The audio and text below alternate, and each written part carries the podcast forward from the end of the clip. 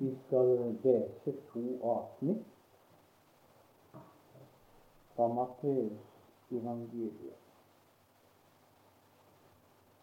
Vi skal lese først fra kapittel 24.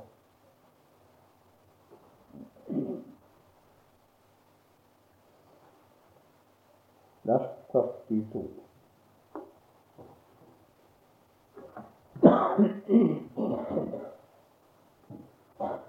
Våg derfor,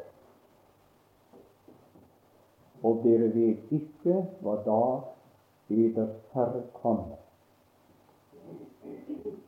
Men det skal dere vite, at det som husbonden visste i hvilken nattevakt tyven kom, da ville han våke og ikke la noen bryte inn i sitt hus.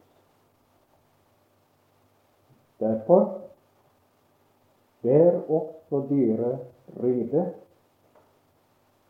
for menneskesønnen kommer i den time de ikke tenker. Hvem er da den tro og kloke tjener som han husbånd har satt over sine tjenestefolk for å gi dem deres mat i rette tid? Salig er den tjener som hans husbånd finner å gjøre så når han kommer. Sannelig sier jeg eder, han skal sette ham over alt det han eier.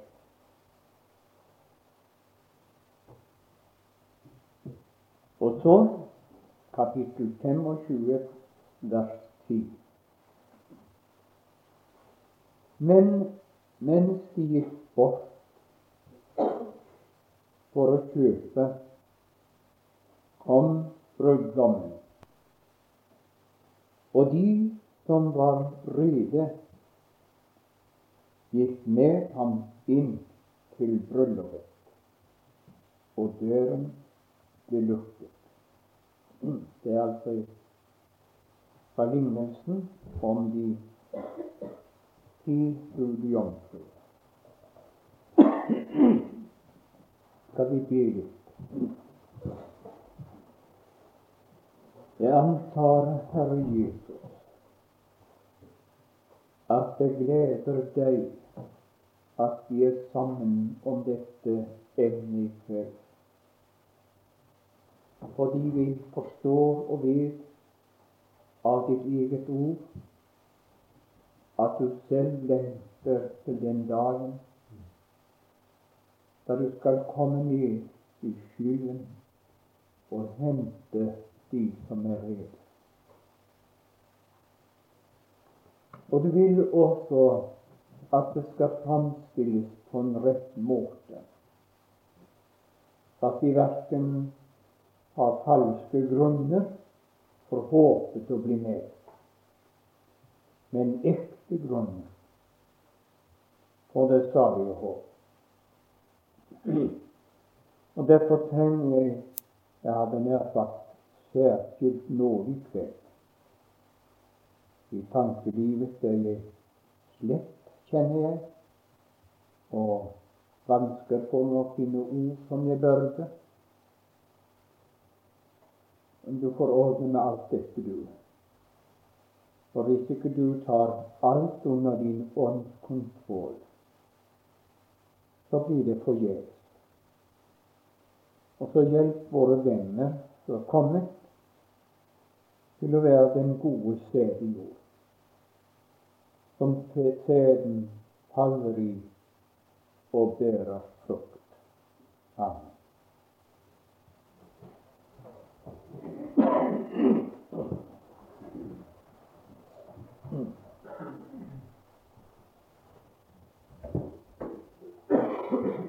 Vi skulle tale litt om hva betyr det å være rede til Herrens komme.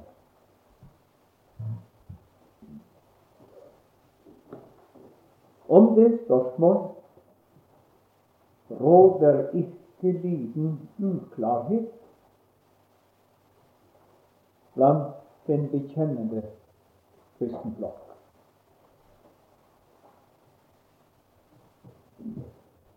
Jeg kan huske i min tidligste ungdom, som ny og menn,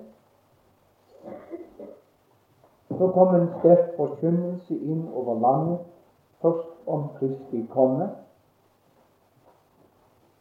og dernest hvem som ble med. Og da kom både jeg og flere med meg under innflytelse av en forkynnelse som framstilte det slik at kun de åndsdøpte troende ble med. Og ikke alle troende var åndsdøpt. Og så framstilte de at kjennetegnet på de åndsdøpte var at de kunne tale i tunger. Følgen var at en masse av oss Ja, jeg skal ikke engang forklare hvor langt jeg gikk. For selvsagt ville vi bli med når Jesus kom. Og selvsagt vil vi være åndsdøpt, og selvsagt vil vi ha tak i tungetalen hvis det var bevis.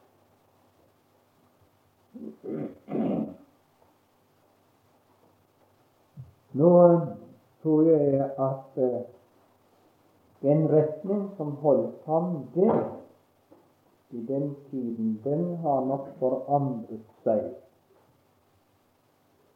Men så er den stegen fram i en ny bevegelse som kaller seg Maranata. De slår nå på de samme strenger og toner i forkynnelsen. Og litt av dette har jeg framme i denne boken her om åndsloven. Eh,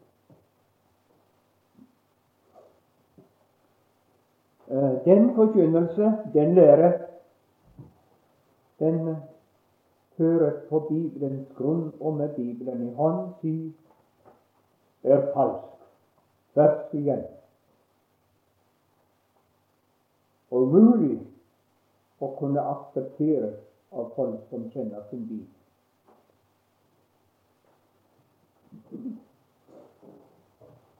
Det er også steget opp en uh, ny retning. Den er kanskje lite kjent her i Norge, men jeg kjenner den i Danmark og hatt litt med som er gjort der. Den sier at brudeskaren, nei, nei, menigheten, det er en stor sirkel for det. Og menigheten er selvsagt alle de gjenfødte.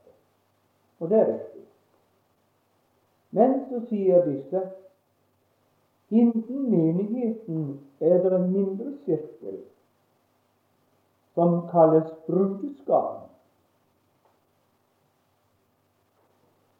Den brudeskaren den må fullstendiggjøres i antall. Og den må føres fram til en bestemt helliggjørelse og opplevelse i Den hellige ånd. De er det som blir med når Kristus kommer. Og Kristus kommer ikke før den brudeskaren er fulltallet i antall. Og så gjelder det om oss helliggjørelsesforkynnere gjennom helliggjørelsesforkynnelsen vår og fullstendiggjøre den så at Jesus kan komme. Uten å, å ta opp noen morddiskusjon så må jeg bare si klart og tydelig med norsk ord ekte tøv. Som ikke har med Bibels sannhet å gjøre. Videre er det også feil når man eh, legger helliggjørelsen til grunnlag for å bli med. Bibelen taler klart om helliggjørelsen. Og som eh, vi har det her i denne boken av Brandtzæg, som vi har noen få eksempler av, den beste bok som vi kjenner på norsk om helliggjørelsesspørsmål. Men eh, vi skal ha det klart for oss at det ikke helliggjørelsen hvor langt eller ikke langt jeg er kommet, som avgjør om jeg blir med når Jesus kommer. Ofte hører jeg både ifra vitnebenken på møtet og ser det skrevet at det gjelder om å være våken. Det gjelder om å være våken. Ellers blir man ikke med når Jesus kommer. Ja, det er riktig, det. Å være våken har sin betydning. Men eh, må jeg spørre dere Var ikke de fem dårlige våkne? Så vel som de fem kloke. Eller sovnet de ikke alle inn? både de fem kloke og de fem dårlige. Hørte de ikke begge parter anskriket? Manglet de ikke begge grupper? Jo visst gjorde de det. Ja, men hvis spørsmålet ligger der å være våken, hvorfor blir så ikke de fem dårlige med? For de våknet, de òg. Altså aldri en gang på spørsmålet om jeg er våken eller ikke våken, avgjør å være rede til Herrens kamp. For hør her det er bare folk som har liv, som sovner døde folk, de verken kan vekkes eller sovne inn. Det er troende folk som sovner inn. Men å sovne inn betyr ikke det samme som å miste livet i Gud. For hvis jeg får snakke med den enkelte her i forsamlingen, innbefattet meg selv, så skulle jeg snart finne ut vi har sovnet inn, kanskje på flere områder i vårt gudsliv og kristenliv.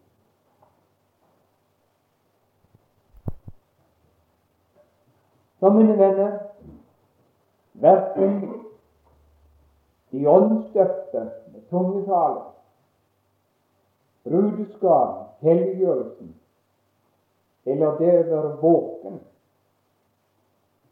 skal legges til grunn for å bli med når han kom.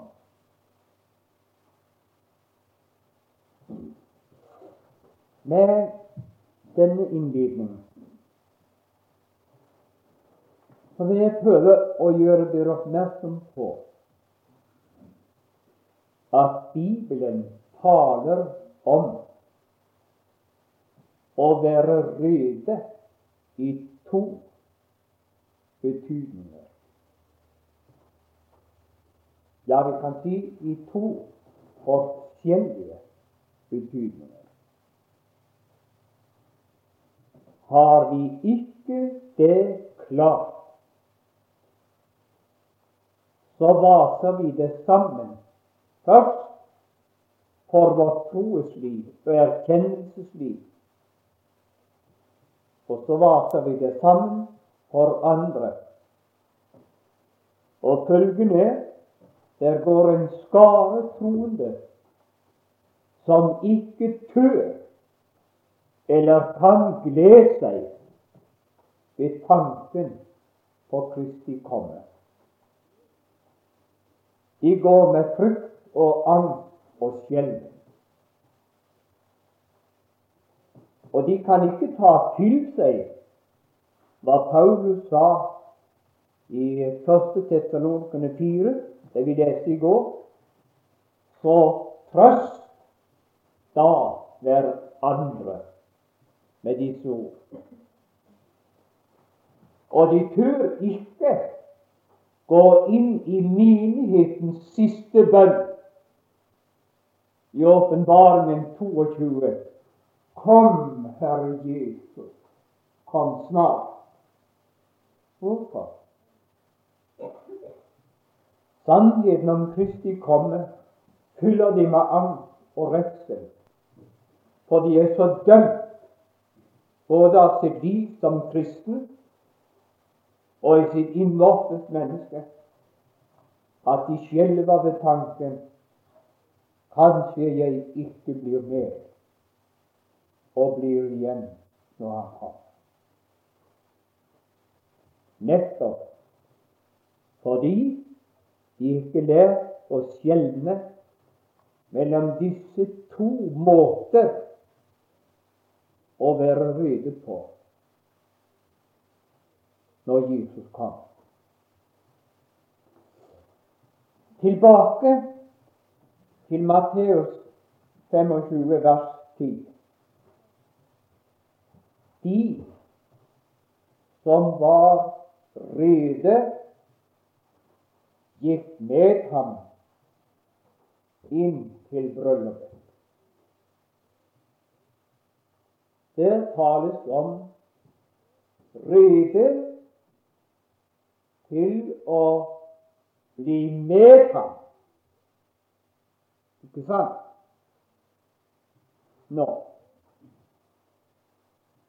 Kapittel 24, vers 4 og 5.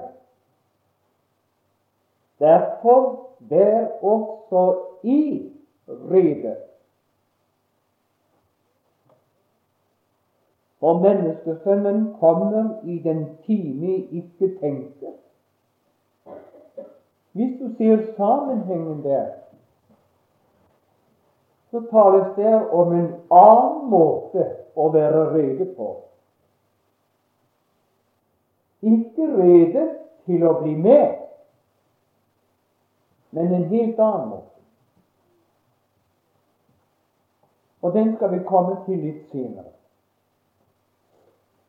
Nå skal vi først danse med hva er det som gjør et menneske rede til å bli med?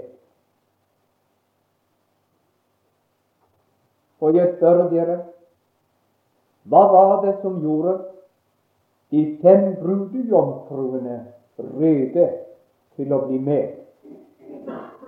Altså de som blir med. Er det noen som vil svare på det? Ja. Er noen lærde karer her på første benken så sier det.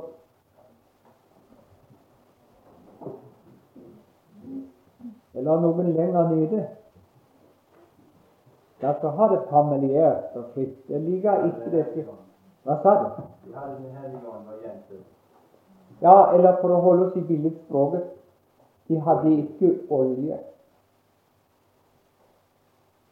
Og for så vidt svarte du rett, men i lignelsen står det at de fem dårlige tok ikke olje med seg. Der har vi også noe som trenger en rettelse for. En hel masse troende lever i den forestilling at de hadde lite grann olje, men hadde ikke nok. Og så hadde de en kanne med seg, men den der kannen var det ikke olje på. Det er noe tull, det. Og Vollgata, det greske oversettelsen, den gjør det enda klarere at de startet uten olje. Og i Bibelen er det aldri tale om å ha meget eller lite av olje. Meget eller lite av Den hellige ånd. Enten har jeg ham boende i meg, eller har jeg ham ikke. Vel, det tales om Åndens fylde, men det betyr den samme ånd som bor i deg, skal fylle deg. Ikke noe utenifra. En ånd han nå bor i deg, den trenger å fylle deg. Men eh, enten har et menneske Den hellige ånd, eller har han den ikke. Og det er ikke nødvendig å ta de og bevise at olje gang på gang står i Skriften som bilde på Den hellige ånd. Men nå skal det si at dette stemmer med andre Guds ord. I Fyserbrevet kapittel 1 vers 13 vil noen lese det. Vær så god. Du er så flink å lese, du. Har du det? Ja. Vel, noen andre. I Fyserne 1, 13. Han står og leser. Og så gildt å ha de små med. Vær så god. Stå opp og så les.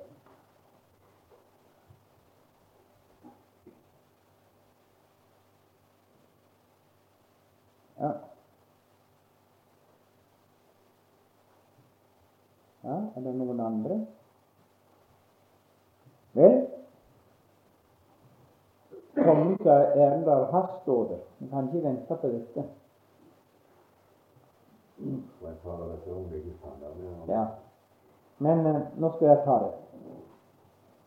I ham har også dere, da dere hadde hørt sannhetens ord, evangeliet om eders frelse. I ham har dere òg, da dere var kommet til troen, fått til innsegling Den hellige ånd, som var oss lov. Hvorfor har de fått Den hellige ånd til innsegling? Jo, det svarer kapittel 4, vers 30 på. Altså Fiserbrevet.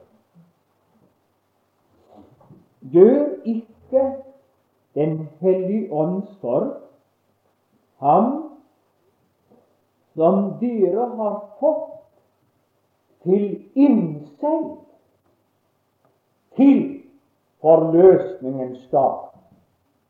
Og forløsningens dag minner her opprykkelsens dag, når Jesus henter sin. Som eh, tømmerfolkene som hogger skog, merker sine tømmerstokker før den går ut i elven og ned til sagbruket med et bestemt kjenningsmerke. Har den Herre Jesus sørget for at med det samme du kom til troen, beseglet Han deg med Den hellige ånds gave som et guddommelig garanti for at du ikke skal bli igjen når Jesus kommer, enten du er gravlagt eller går levende på jord. Og det skal enda få to Guds ord som støtter det. I 1. Korintiabrevet 15, vers 23, det var vel litt av det Høyre var borte i formiddag, står det om oppstandelsen. Men hver i sin egen avdeling. Kristus er førstegrøden, deretter skal de som hører Kristus til, levendegjøres ved Hans komme. Ja. Men har vi så et klart Guds ord som sier oss hvem som hører Kristus til? Ja. Romerbrevet 8, vers 9. Det gir oss svar. Men dere ikke i kjødet, men i ånden, så frem Guds ånd bor i eder. Men har noen ikke Kristi ånd, da hører han ikke ham til. Der kommer det negative, den benektende side. Og her skal du bare ta motsetningen. Altså den som har Kristi ånd, han hører Kristus til. Og han blir med i oppstandelsen eller forvandling. Kort sagt kan vi si det sånn. Det å være rede til Herrens komme, det er ensbetydende med å være rede til å dø salig i kveld. Spør jeg meg selv hva bygger du på å dø salig? Så har jeg måttet lære å kaste alt mitt over bord. Og ha to ting. Og det er lett å si det med munnen, men gudskjelov, i forrige sommer fikk jeg prøve det. Det var to ting som holdt for meg da jeg var brakt inn på Rogaland sykehus av et hjerteanfall og lå der og ventet på. Og det ble satt under prøve, det jeg bygde på, og det jeg hadde forkynt. Så var det to ting som holdt. Først det Kristus gjorde for meg i sin korsdød. Men noe som var enda bedre, det var hva Kristus er for meg i det himmelske. Å, mine venner, hvor salig det var. Og jeg la meg så trygt og salig til hvile at nå ikke meg lenger noen ting. I 50 år har jeg prekt. Jeg kommer aldri inn i himmelen på noe av det. Mitt liv som predikant, mitt liv som kristen, mitt liv som far, mitt liv som mann Alt det ufullkomne dømmer meg til alle tider. Men Gud er blitt om han har frelst meg inn i en annen person. Og, og alt fått meg til himmelen i en annen person. Det er rettferdiggjørelsen. Det er min trygghet. eh, Frelsesarmeens leder, daværende leder, eh, general eh, fru Butt, altså datter av grunnleggeren, hun kom til India. Og så møtte hun en original som gikk med et bredt belte tvers over her, og så tilsvarende på ryggen. Og på beltet sto det 'alltid ferdig for himmelen'. Så snudde han ryggen til 'alltid ferdig for himmelen'. Og Frelsesarmeens eh, syn på de tingene kan jeg tenke meg det bød henne i si slik. Så hun henvendte seg til mannen. Hva er det de våger å driste deg til å gå med et slikt belte? Jo, det gjør jeg, sa. Ja, men hvordan kan de våge det, sa han. Jo, det, kan jeg frukt over. Ja, men du er ikke oppnådd fullkommenheten ut av den. Nei. Men jeg er alltid ferdig for himmelen i en annen person. Det er det, mine venner. Slik har Gud frelst deg, enten du tror det eller ikke. Enten du går med på det eller ikke.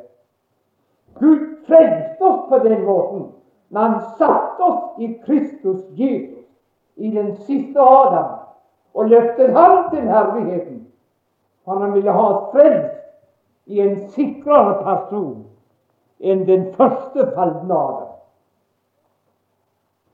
Og det kjente jeg da, den deilige morgenstund. Deilig på en måte, selvsagt, men fryktelig på en annen måte. Men deilig også for å kjenne det det var preg. Det holder i dødsstunden. For det er simpelthen regnet ned. Nå kan det være avslutning. Det ble ikke det foreløpig. Så mine venner, akkurat det som jeg i dag kan du få regne med skal holde. Det samme skal holde når Jesus kommer igjen. Enten jeg er gravlagt eller jeg går levende på jord. Det betyr å være rede til å bli med. Og nå skal vi tale om den andre betydningen. Og la meg få si det slik Det er egentlig den andre betydning Jesus taler mest om når han taler om å være ren. Og det var lenge før jeg var klar over det. Og det er særdeleshet i den andre betydningen han her taler i kapittel 24 med flere steder. Den andre betydning den skal det få med en gang. Altså den første rede til å bli med ham. Den andre betydning rydde. så som han ønsker å møte oss og finne oss når Han kom. Skal jeg ta et bilde som dere kanskje forstår, så bor jeg her hos Otto og Signe Midtrød. Og vi hadde måter så festlig der nede. Vi har både eh, påskeferie og gitt måter.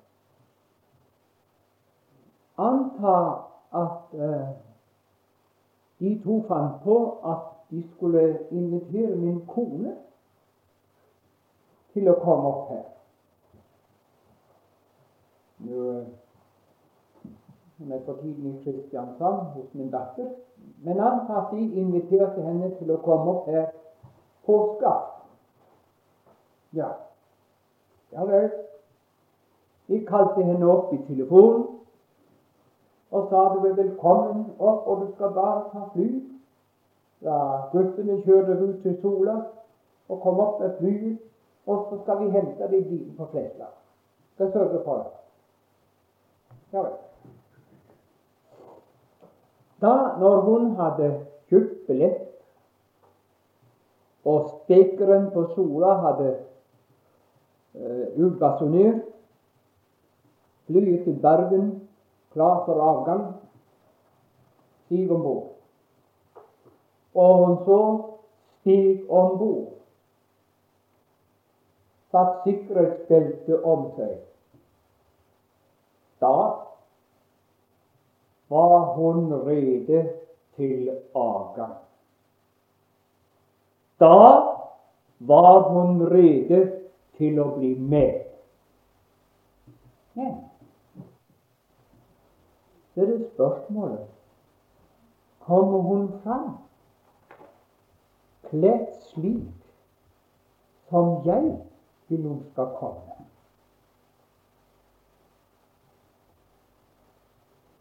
Hun, eh, hun er en strevsom dame. Flink arbeid.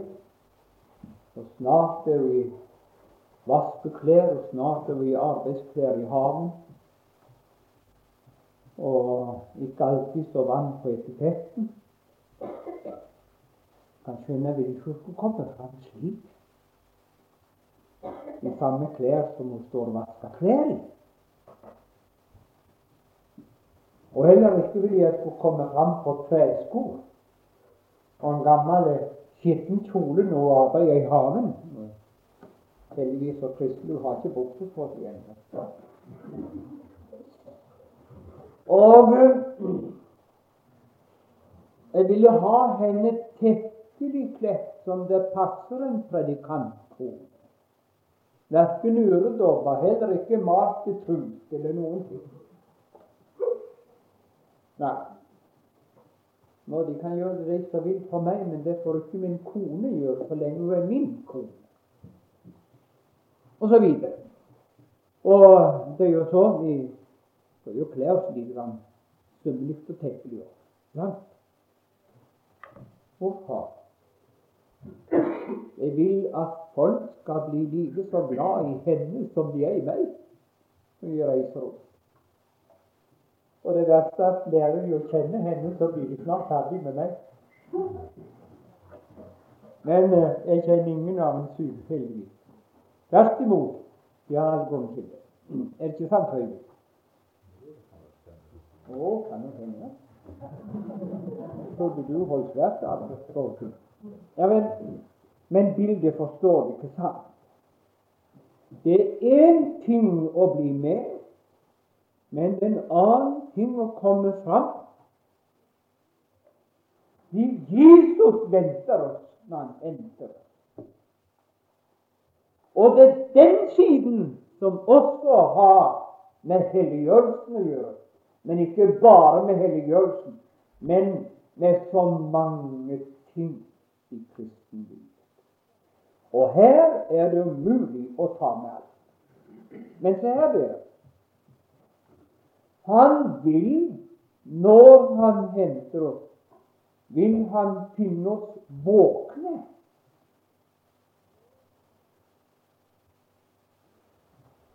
Og det er massevis som vi i kristenlivet trenger å være våken Våken i forventning av Herrens komme. Det er én ting. Våken for tegnene for Herrens komme. Der sover de fleste kristne dag. De følger ikke med. Har ikke greie på noen ting. Noen våknet lite grann i fjor da, da, da Israel lurte opp Nasa på seks dager. Men eh, Per Lønning han ga dem bedøvelsessprøyta da han var på skjermen. Så sånn er de. Både de troende og de vant fortegn. Å, hvor han ønsker de skal være vakne for tegnene. Og etter sammenhengen her også våke for tuen. Det bildet er at Kristus skal komme som en tyv. Det betyr ikke det samme som at han er tyven. Men det er en i Bibelen som kalles tyven. Hvem er det? Det djevelen. Og djevelen, han er ute for å stjele og ta ifra oss bare hva han kan. Han vil ta ifra oss frelsesvissheten, tryggheten, hvilen i Guds ord. Og hør Hvis du ser av sammenhengen her, så oppfordres dere av husbonden at han må være våken for tyven. Hvorfor? Tyven er ute etter verdig verdisaker.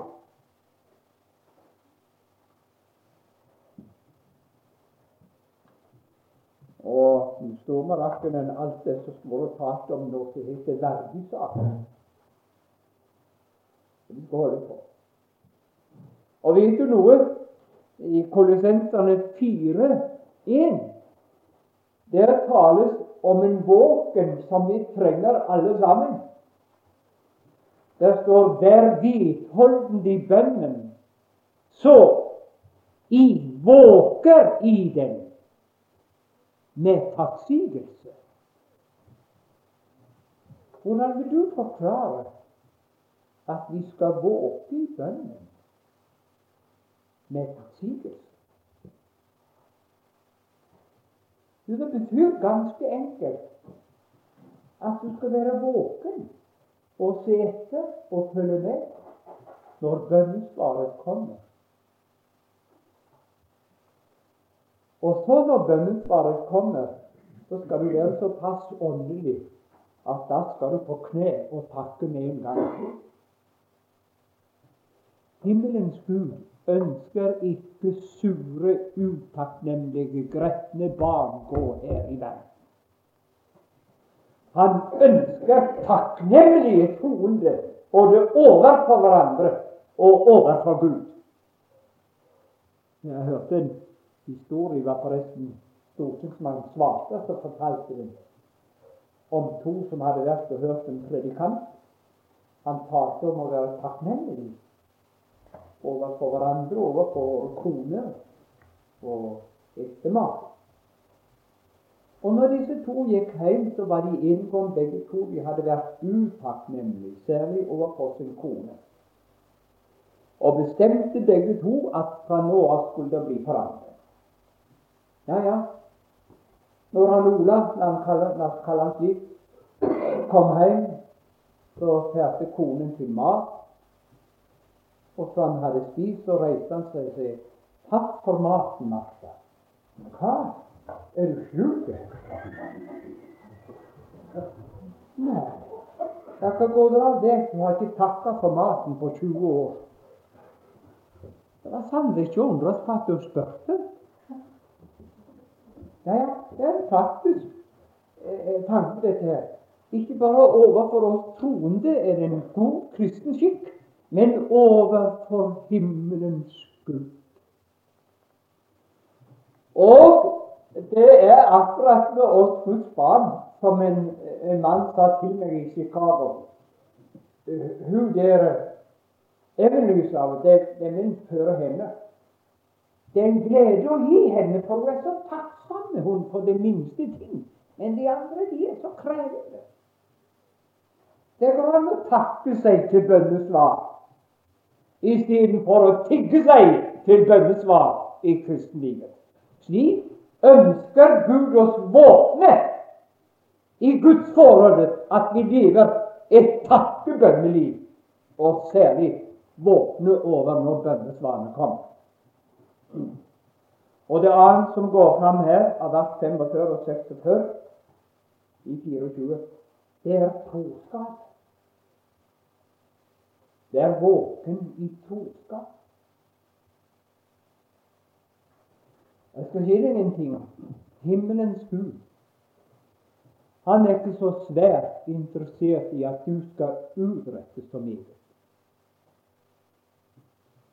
Det er ofte kjødet i oss som vil utrette store ting og bli populær. Og det skal være blest om vårt navn. Himmelens Gud er interessert om du er tro imot den oppgave jeg har betrodd deg. Så la oppgaven være så ubetydelig som den være vil. Når jeg kommer, så venter jeg å finne deg tro imot det kall, mot den tjeneste og mot den nådegave jeg ga deg. Og det er trist å se mange toner som svikter, og så svikter til nådegave. Vær tro mot nådegaven, vær tro imot det små, både i det timelige kall og i det åndelige kall. Sådan ønsker Kristus å finne deg når han kommer. Og framfor alt vær tro mot forsamlingen, de helliges forsamling. Måten vi skal være tro på, det har vi klart fra apostelgjerningene 2, 42, det som Aurebekk har kalt de fire absolutter. De fire absolutter som vi til alle tider skal holde fast på, fordi at tyven vil ta disse fire ting ifra oss. De fire ting holder fast på læren, på samfunnet, på brødsbrytelsen og bønnene. Det er de fire ting som skal smelte de troende sammen. Ikke engang navnet Luther, hvor betydningsfullt Luther er. Ikke engang navnet pinsevenner. Ikke engang baptister eller noe påhengte plakater. Men her er de fire absolutter som skal smelte de troende sammen. Og hvis de holder fast på det, så skal du se hvilken nyhet som skal finne sted imellom oss. Og Av vers 47 går det fram at den som er tro i det små, den vil han sette til andre og større ting. Det skal ikke jeg tale om nå. Det tilhører den kommende evighet, først i tusenårsriket og senere. Og eh, så for å si noen ord til Asia. Eh, det er kanskje noen som har syntes det er svært for disse to predikantene må ha den. De må kjøres fram og tilbake med bil. Men eh, saken er den at jeg holdt på og ikke skulle komme, for jeg fikk så vondt i en fot at jeg gikk og haltet og kunne så vidt gå. Men jeg tenkte jeg får reise likevel. Jeg kan vel ikke an til å havne på et sykehus til slutt. Foten er litt bedre, men langt ifra god ennå. Og det gjør at vi har måttet bruke bil eller skulle det vært svært gildt å kunne gått hjem hjem hver kveld dette deilige, fine veier. Og Derfor synes jeg at det er en god kristen plikt å få si deg, Ole og frue, en hjertelig takk for dere har stilt bilen til disposisjon. Og ikke minst at vi fikk lov å låne den årsdagstur til Strandvik. Saken er den at som land som i 1920 var det vel, var det min første evangelisttur ut i verden, utenom heimplassen. Og da havnet jeg på Vindnesleiren og huset Strandvik. Vi hadde ikke bil i de dager, men Engel Dubevik, som var gift med eh, fru Dubevik Malla, som er fra Eikelandsosen. Eh, de bodde da inne i Juiken, og de hadde en båt som gikk att og fram med oss, og den døpte vi til Pietisten. Fullt av ungdom på dekk, og så sang vi. Og I den tiden enten jeg sang ti eller femti sanger, det gjorde ingenting. Da hadde jeg stemme. Og enten jeg holdt tre eller fire møter, det var like opplagt. Vekkelse og liv på Vinnesleir. Vekkelse og liv var det også i Fugstad. En ung gutt ble frelst da, som jeg senere har møtt igjen som baptistpredikant på pastor. Og blitt bevart. Og i, i Strandvik òg kom flere til livet. Og da skjønner jeg det var så gildt å få komme tilbake om bare i nærheten av den første plass som jeg startet. Jeg visste ikke hvor denne Hålandsdalen var. De skrev til meg om alt mulig, men det var mulig å få vite hvor det lå, og hvordan jeg skulle reise. Det måtte jeg bombardere og få greie på sjøl til slutt. For du vet, alle tror at alle vet hvor Hålandsdalen er fordi jeg bor der. Alle vet hvor Holdhuset er fordi jeg bor der. Det er akkurat som du kommer i byen og spør om en gate, så tror de du er like så kjent i byen som meg.